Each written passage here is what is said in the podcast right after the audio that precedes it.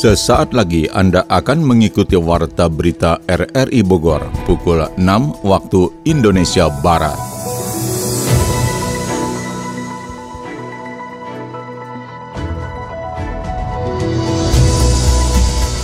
Selamat pagi.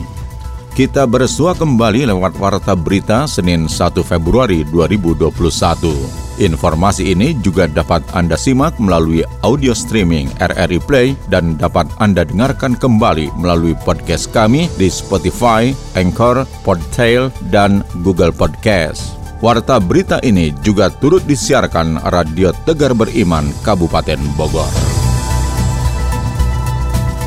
Berikut kami sampaikan berita utama. Meski telah divaksin COVID-19, namun protokol kesehatan harus tetap dipatuhi. Walaupun sudah divaksin karena pandemi ini masih ada, tetap protokol kesehatan dijaga memakai masker, menjaga jarak, terutama menghindari kerumunan dan menghindari aktivitas-aktivitas yang tidak. Dari 62 korban Sriwijaya R SJ182, 58 korban di antaranya sudah teridentifikasi termasuk pilot Kapten Afwan. Kembali kami ucapkan turut sungkawa yang sedalam-dalamnya atas uh, meninggalnya Kapten Afwan. Dinas Kesehatan Kota Bogor menargetkan akhir Januari atau paling lambat awal Februari nanti vaksinasi COVID-19 bagi tenaga kesehatan bisa rampung. Saat ini memang prioritas adalah kepada tenaga kesehatan di Kota Bogor dari jumlah 9.560-an yang terdaftar di Sistem Informasi Sumber Daya Manusia Kesehatan. Bersama saya Mukhlis Abdillah, inilah Warta Berita selengkapnya.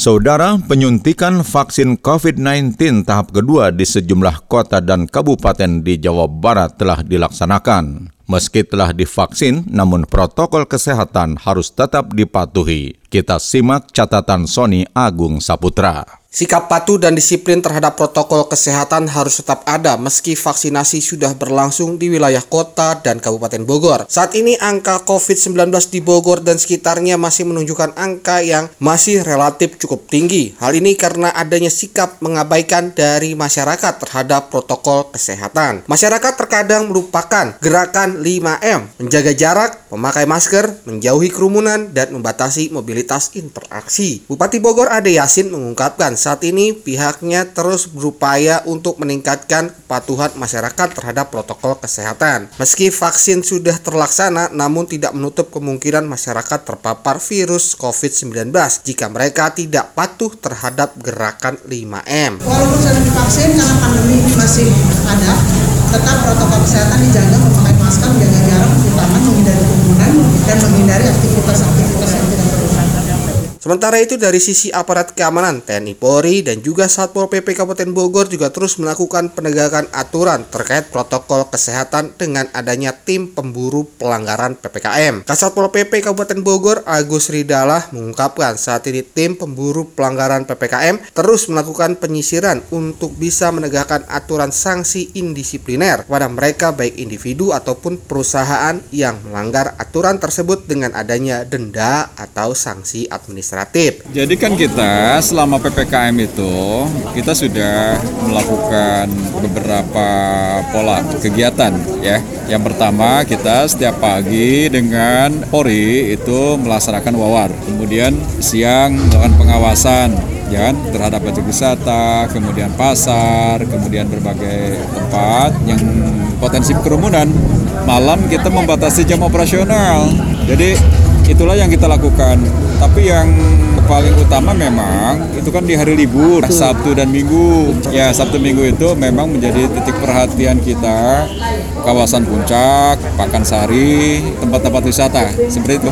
Pihaknya bersama TNI Polri juga tidak akan segan-segan melakukan pembubaran terhadap aktivitas yang dinilai bisa meningkatkan angka positif COVID-19 dengan terus melakukan kegiatan berkerumun sehingga upaya memutus mata rantai penyebaran COVID-19 tidak berjalan optimal. Lantas bagaimana suara masyarakat akan hal itu? Berikut pendapat mereka. Saya Ibu Ida dari Gunung Putri. Saya masih nggak ngerti. Sebagian masyarakat itu ada yang masih apa tidak memperhatikan prokes pemerintah dari pemerintah pakai masker, terus kita masih masih ada cuci tangan belum benar, terus masih ada perkumpulan-perkumpulan arisan, eh, kerja bakti, ah macam-macam gitu aja lah seperti itu. Padahal kan prokes itu kan untuk kita sendiri, sedang kita untuk kita sendiri, untuk warga sendiri, kita sebelum kita mencegah lah sebelum terjadi untuk kita, kita mencegah dulu. Tapi tetap aja ya sebagian pemerintah setempat, RT setempat misalnya masih ada arisan, ada perkumpulan KWT lah, ada kerja bakti lah, ada pelajaran itu inilah. Nah kan itu untuk sementara ini kok bisa ditutup dulu lah pengajian-pengajian juga gitu. Nah, jadi kita harus benar-benar prokes itu kita kita kendalikan, kita kita kita jaga untuk menjaga kesehatan kita semua. Harapan saya semoga pandemi ini cepat berlalu. Nah, makanya masyarakat kita juga harus bisa menjaga semua itu, mengikuti prokes cuci tangan, jangan berkumpul, pakai masker yang benar. Kita harus menjaga semuanya. Assalamualaikum Sampurasun Saya Ki Wulung Tunggal mengajak seluruh masyarakat Bogor baik kota maupun kabupaten untuk sama-sama menaati protokol kesehatan dikarenakan situasi saat ini adalah tanggung jawab kita bersama. Mari kita sama-sama bersegi positif dengan seluruh lapisan masyarakat dan pemerintahan kota dan kabupaten untuk selalu taat pada protokol kesehatan. Assalamualaikum warahmatullahi wabarakatuh. Saya Fahmi, protokol kesehatan itu dapat menekan tersebarnya COVID-19. Sehat dan sakitnya kita adalah kita sendiri yang mengatasi. Saya mohon dari masyarakat untuk masyarakat dan kembali ke masyarakat. Itu saja dari saya. Assalamualaikum warahmatullahi wabarakatuh.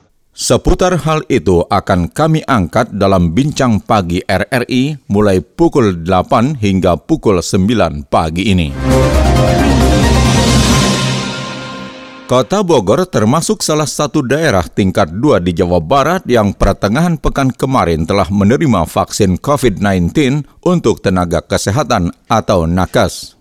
Dengan demikian, nakes di kota Bogor yang lolos suntik vaksin COVID-19 sudah mencapai 4.443 orang atau sekitar 46,8 persen dari target 9.533 nakes yang terdaftar pada Sistem Informasi Sumber Daya Kesehatan. Kepala Dinas Kesehatan Kota Bogor Dr. Sri Nowaretno menyebutkan pihaknya menargetkan akhir Januari atau paling lambat awal Februari nanti vaksin COVID-19 bagi tenaga kesehatan bisa rampung. Guna mengejar sasaran atau target tersebut, pihaknya pun ujar Sri melakukan berbagai upaya, antara lain menambah kapasitas dan menambah jam layanan terkait suntikan vaksin tahap kedua untuk Wakil Wali Kota Bogor dan sembilan pejabat lainnya, termasuk yang tergabung dalam Forum Komunikasi Pimpinan Daerah Forkopimda Kota Bogor, menurut Sri berjalan lancar. Setelah diobservasi 30 menit, tidak ada keluhan alias semuanya sehat. Sementara itu, Wakil Wali Kota Bogor, Dedi A. Rahim, mengatakan Usai vaksinasi COVID-19 bagi tenaga kesehatan rampung sambil menunggu instruksi lebih lanjut dari pemerintah pusat, pemerintah Kota Bogor akan mempersiapkan 63 titik vaksin untuk vaksinasi yang sama dengan sasaran TNI, Polri, PNS, dan ASN yang dalam pekerjaannya langsung melayani masyarakat terkait penyuntikan vaksin COVID-19 di mana dirinya sudah mendapatkan vaksinasi kedua, sejauh ini menurutnya tidak ada hal-hal yang perlu dikhawatirkan. Artinya tidak ada efek samping yang membahayakan. Semua fungsi berjalan dengan baik, aman, dan sehat, beraktivitas seperti biasa. Masyarakat tegas Dedi jangan ragu datang ke tempat yang sudah disiapkan pemerintah untuk mendapatkan vaksin COVID-19 tersebut. Mudah-mudahan nanti masyarakat tidak perlu ada keraguan untuk bersama-sama nanti pada waktunya datang ke tempat-tempat yang sudah disiapkan oleh pemerintah untuk mendapatkan vaksin. Saat ini memang prioritas adalah kepada tenaga kesehatan di Kota Bogor dari jumlah 9.560-an yang terdaftar di sistem informasi sumber daya manusia kesehatan kemudian kita mendapatkan dropping dari pusat 9.150 vaksin Alhamdulillah sampai hari ini sudah ada 50% yang sudah disuntik vaksin khusus untuk tenaga kesehatan. Sementara itu, akhir pekan kemarin, Wakil Wali Kota Bogor Dedi A. Rahim bersama Kepala Dinas Kesehatan meresmikan Bumame Farmasi Swab Test di Mal Boksis 123 Tajur, Bogor Timur. Layanan tersebut ditujukan bagi masyarakat yang ingin melakukan tes swab secara mandiri. Menurut Dedi, dengan hadirnya layanan tes swab PCR tersebut, menambah kemudahan bagi masyarakat yang ingin melakukan swab secara mandiri dengan sistem drive-thru. Masyarakat pun memiliki pilihan lain selain fasilitas swab yang disediakan pemerintah. Masyarakat yang membutuhkan dokumen hasil tes swab PCR untuk perjalanan dinas atau memenuhi syarat ikut dalam pertemuan penting tidak perlu lagi ke rumah sakit, melainkan dapat memanfaatkan fasilitas layanan drive-thru tersebut. Komandan DVI Pusat Kedokteran dan Kesehatan Polri Kombes Pol Heri Wijatmoko menuturkan kendati proses pencarian para korban kecelakaan pesawat Sriwijaya Air yang jatuh di perairan Kepulauan Seribu Jakarta telah dihentikan, namun pihaknya tetap melanjutkan proses identifikasi para korban. Operasi DVI tetap berjalan dan diharapkan dalam satu minggu ini bisa menyelesaikan sampel dari antemortem dan postmortem untuk direlokasi. Sementara itu, Direktur Utama Sriwijaya Air, Jefferson Irwin Jawena, Usai menghadiri pemakaman Kapten Pilot Afwan mengatakan pemeriksaan seputar jatuhnya pesawat masih dalam evaluasi. Langkah selanjutnya, Sriwijaya Air akan berkoordinasi dengan keluarga korban mengingat sudah 58 dari 62 korban yang sudah teridentifikasi. Untuk kru pesawat, semuanya sudah teridentifikasi. Pada kesempatan kali ini, kembali kami ucapkan turut sungkawa yang sedalam-dalamnya atas uh, meninggalnya Kapten Afwan. Ya, kami berdoa semoga keluarga tetap diberikan ketabahan dan kekuatan. Kalau langkah selanjutnya, kami akan tetap berkoordinasi dengan pihak keluarga untuk hak-hak almarhum dan ini akan kami upayakan untuk selesaikan secepatnya. Pak, ada evaluasi Pak terkait dengan kecelakaan lalu? Belum bisa Pak, kami lagi nunggu hasil dari KNKT juga. Karena CPR-nya kan juga masih dicari ya, jadi kami lagi nunggu. Masih ada empat lagi yang belum. Korban jatuhnya pesawat Sriwijaya Air SJ182 akan mendapat santunan dari PT Jasara Harja sebesar 50 juta rupiah per orang. Di Jawa Barat ada delapan korban jatuhnya pesawat tersebut yang menerima santunan sesuai Undang-Undang Nomor 33 Tahun 1964. Kepala PT Jasara Harja Cabang Utama Jawa Barat Henry Afrizal mengatakan santunan diberikan langsung ke nomor rekening ahli waris. Wilayah Jawa Barat sendiri ada delapan korban yang ahli warisnya berada di Jawa Barat. Dan hari ini kami menyerahkan santunan kepada Kapten Afwan. Dan semua wilayah Jawa Barat hari ini sudah terrealisir semua. Besarnya santunan 50 juta rupiah sesuai ketentuan pemerintah. Yang diatur oleh Undang-Undang Nomor 33 Tahun 64 tentang dana pertanggungan wajib kecelakaan penumpang. Hari ini Jasa Raja Cabang Jawa Barat sudah merealisir santunan untuk 8 orang itu sebesar 400 juta. Jenazah pilot Sriwijaya Air SJ182 Kapten Afwan sendiri dikebumikan Sabtu siang di TPU Pondok Rajek Cibinong, Kabupaten Bogor. Sebelumnya, jenazah sang pilot itu disolatkan di Masjid Ad-Daulah tidak jauh dari kediamannya di Kompleks Perumahan Bumi Cibinong Endah, Cibinong, Kabupaten Bogor. Masjid di mana almarhum disolatkan itu juga merupakan buah dari kedermawanannya.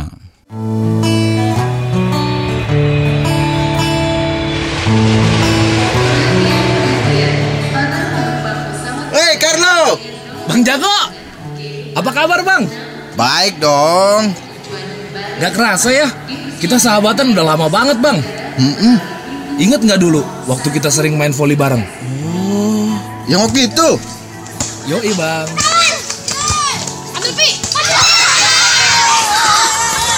Udah capek nih Carlo, yuk pulang. Ya yuk pulang Abang Jago. Abang Jago, kalau kita udah besar masih sama-sama nggak ya? Enggak ya? ya harus tetap sama-sama dong, Carlo. Oke. Okay. Semoga persahabatan kita bisa sampai tua ya. Janji ya, Bang. Tuh kan, persahabatan kita itu tercipta agar kita saling merangkul, melengkapi, dan memperbaiki. Oke, Bang.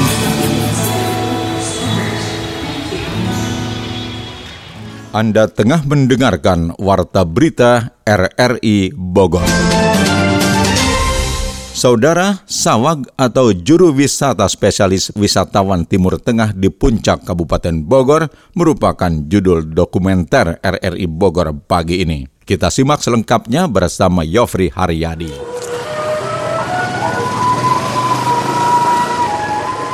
Pendapatannya gimana nih saya aja belain parkir. Kalau biasanya ya alhamdulillah kalau lagi banyak.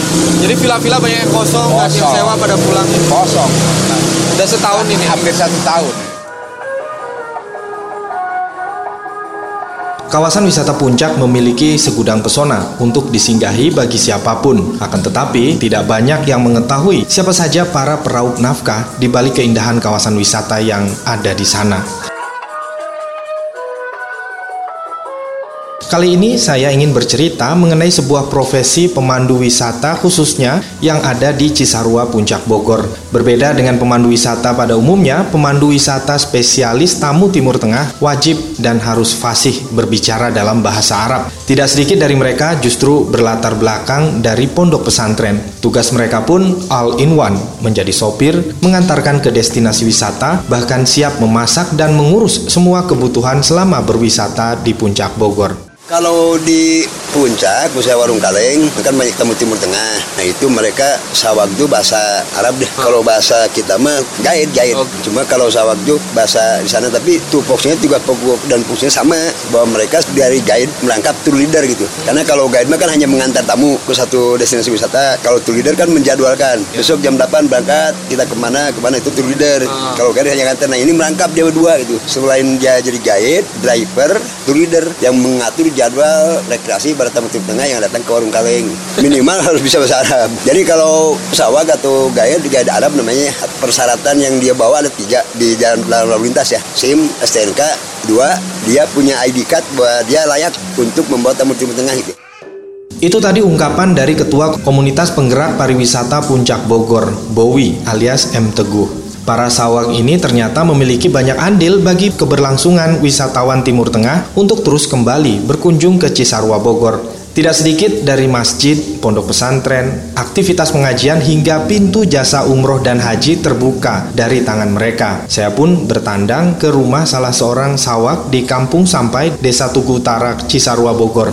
Namanya Dudi Morrison. Saya berbincang sekitar apa itu profesi sawak dan bagaimana mereka bekerja. Ya, kalau memang untuk jadi sawag sebetulnya kalau harus memiliki keahlian satu dari segi bahasa kita harus memahami. Kita misalkan tidak tahu bahasa turis Timur Tengah pun akan menanyakan ke tempat wisata pun. Misalkan kita ke kebun teh Gunung Mas, kita harus bisa menjelaskan bahwa ini kebun teh, ini miliknya milik negara, milik PTPN. Nah ini dibangun pada tahun sekian, misalkan untuk objek wisata seperti di Gunung Mas itu kan di situ banyak. Alhamdulillah. Kalau memang kita tidak tahu bahasanya, gimana menjelaskannya, gitu kan Pak? Ya contoh kecil kita misalkan ngejemput ke bandara kan dia biasanya telepon dulu dari Saudi, disiapkan dulu untuk pilanya untuk tempat tinggalnya. Rata-rata kan sekarang udah memang teknologi udah bagus ya udah canggih nggak kayak dulu? Kalau dulu harus via email apa gimana gitu. Kalau sekarang enggak kita via WhatsApp aja pak. Kita kirimin dulu nih foto villa apa segala macam nah setelah itu dia cocok ya udah dia transfer kan untuk bayar pila untuk sekian hari sekian hari nah gitu. Terus kalau memang dia udah nyampe di bandara kita langsung ke pila dulu. Kadang-kadang dia kita tahap awal beli bahan makanan dia dulu. Apa kebutuhan mereka dari Saudi? Nah di sini serba ada semuanya. Sama kayak di negeri mereka gitu. Keinginan dia di kampungnya itu sama kayak di kampungnya mereka di sana gitu. Dari tehnya dari apa minumannya dari beras dari bumbu-bumbu apa segala macam itu di kita alhamdulillah memang sudah komplit gitu. Termasuk dari pihak-pihak terkait pun sekarang memang posisinya ya mungkin karena covid penerbangan ditutup ya gimana lagi untuk untuk saat ini gitu maksudnya. Saya bertanya, bagaimana kata pertama yang disampaikan saat menerima panggilan tamu Timur Tengah? Rupanya, basic selama mondok di pesantren sangat berguna bagi profesi ini. Dan lebih penting lagi, ternyata tidak semua tamu Timur Tengah itu memiliki niat untuk berbuat asusila, bahkan banyak dari mereka berwisata dalam satu keluarga. Kira-kira kalimat yang biasanya diucapkan awal pertemuan dengan turis Arab itu apa nih bagi bahasa Arab? Bahasa? Arab. Bisa. Kef hali, kef hali ya Habibi, kef hal. Eh, Jadi artinya apa kabar? gitu. Apa kabar kef kois kulu madam wala saya bujuro wala saya kira. Nah dia kadang-kadang kan kita menanyakan gimana keluarga di sana baik-baik, anak, istri kan gitu seperti itu. Terus dia kadang-kadang suka menanyakan hawa juga. Apa disebut hawa tuh? Cuaca. Ya, cuaca. Nah, Kep hawa jauh kois wala hello wala say kita fi matar wala mafi. Jadi artinya itu gimana suasana di Indonesia gitu. Itu cuacanya memang lagi musim panas apa memang lagi musim hujan apa gimana gitu. Gimana keadaan di sana? Kalau dia kan kebutuhan dia termasuk kadang-kadang maaf ini mohon maaf dia kan suka ngerokok juga. Oh gitu. Heeh, kadang-kadang ada kebutuhan Anak bak dukhon gitu. Ah, ada Saya gua mau- ada gua dohon fi dohon fi Saudi ada gua fi maujud fi bagala. Jadi tahap awal yang dari bandara ke sini tuh dia beli kuota. Dia beli beli perdana dulu, ada yang 100 giga, apa ada yang 50 giga gitu. Setelah beres kita berhenti di counter beli kuota, beli pulsa untuk dia komunikasi ke keluarganya di sana. Nah setelah itu kita kadang-kadang ditanya dulu via grat, heg sawi tebah. Jadi artinya ada bumbu-bumbu nggak nih alat-alat untuk masak kebutuhan dia karena dia pasti lapar gitu karena perjalanan kan 9 jam dari Saudi gitu. Kita berhenti di apa di warung di Bagala namanya Bagala Saudi. Setelah itu dia belanja apa apa apa apa apa kadang-kadang dia yang ngambilin semua, tinggal dihitung ke kasir baru langsung ke pila. Nah setelah dipila kadang-kadang istirahat, istirahat di pila. Setelah itu dia bikin teh, bikin apa gitu. Ya semestinya dia kehidupan di sana aja. Dia datang ke Indonesia tuh kehidupan dia di sana gitu. Wisatawan Timur Tengah yang paling banyak berkunjung berasal dari Saudi Arabia dan Jordan, di mana negara kaya di Timur Tengah itu tidak pernah habis membelanjakan uangnya di puncak Bogor dan Indonesia. Namun kini semuanya berubah. Nah sekarang kita usaha sama orang Saudi, orang Saudi nggak ada ke sini. Harus banting setir gimana? Posisi kita jualan di puncak, ada modal sedikit lah, jualan-jualan di puncak kan dia abrak-abrik sama satpol pp, dia obrak. Jadi kita kayak kayak jualan narkoba gitu. Kalau dulu kan enggak, kita enjoy dengan bidangnya masing-masing. Kita jadi supir ya jadi supir. Kita misalkan mata pencarian yang ngojek yang ngojek, misalkan kan seperti itu. Kalau sekarang untuk yang pemandu wisata khususnya turis Timur Tengah ya untuk saat ini nol besar, benar-benar besar. Tidak hanya para pemandu saja, pemilik kendaraan rental yang biasa disewa pun merugi. Salah satunya Ari Rohmatullah yang membuka pangkalannya di Warung Kaleng Cisarua bersama dengan komunitas pariwisata Puncak Kompak. rental kan ya kita kan sewa kan orang Arab nyewa ke saya saya juga nyewa mobil rental kan gitu berapa setorannya per hari gitu kan dari Arabnya berapa ongkosnya ya mungkin sekian dari bensinnya mungkin kita dapatnya cuma 100 ribu Per hari itu? per hari per hari. Tergantung dari segi ongkosnya ya. Kalau sekarang kan kalau dulu sih 600 kan harian kalau sekarang 400 paling ke gaji minim bersihnya 50 60 gitu Jika Ari yang hanya satu mobil saja yang direntalkan, pemilik mobil rental yang cukup tersohor di Cisarua adalah Bapak Dadang. Dari 14 mobil rental yang mayoritas berukuran jumbo, kini tersisa hanya 4 unit. Selebihnya ditarik oleh perusahaan jasa pembiayaan. relaksasi dari bank ya yang jelas sudah saya juga selama pandemi ini 40 unit udah melayang udah dikasihin aja daripada kita intinya jadi beban saya 4 unit udah di, di, dipasahin ke bank semua tinggal yang tersisa mungkin dari sebelah 12 unit itu tinggal 4 unit bertahannya itu karena saya nggak mampu istilahnya bayar bunga bank dan pokok gitu istilahnya karena saya kan bergerak di bidang ini ya daripada jadi beban intinya lebih baik saya pasahin aja Tidak ada tamu Timur Tengah, artinya kuburan bagi juru wisatanya. Mereka hanya bisa pasrah dan mencoba bertahan dengan berbagai cara. Dan profesi sawag ini ternyata hanya dimiliki warga Cisarua di seluruh Indonesia.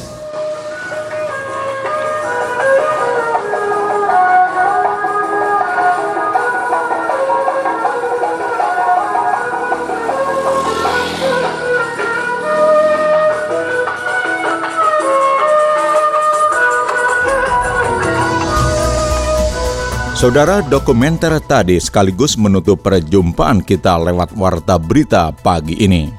Sekali lagi kami sampaikan sari berita. Meski telah divaksin COVID-19, namun protokol kesehatan harus tetap dipatuhi. Dari 62 korban Sriwijaya Air SJ182, 58 korban di antaranya sudah teridentifikasi termasuk pilot Kapten Afwan.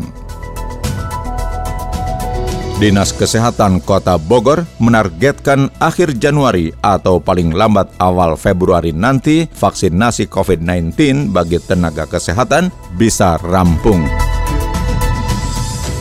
Siaran ini dapat Anda dengarkan kembali melalui podcast kami di Spotify, Anchor, Podtail, dan Google Podcast. Saya Muhlis Abdillah merangkap Des Editor bersama penata teknik Naufal Noviansyah mengucapkan terima kasih atas kebersamaan Anda. Selamat pagi.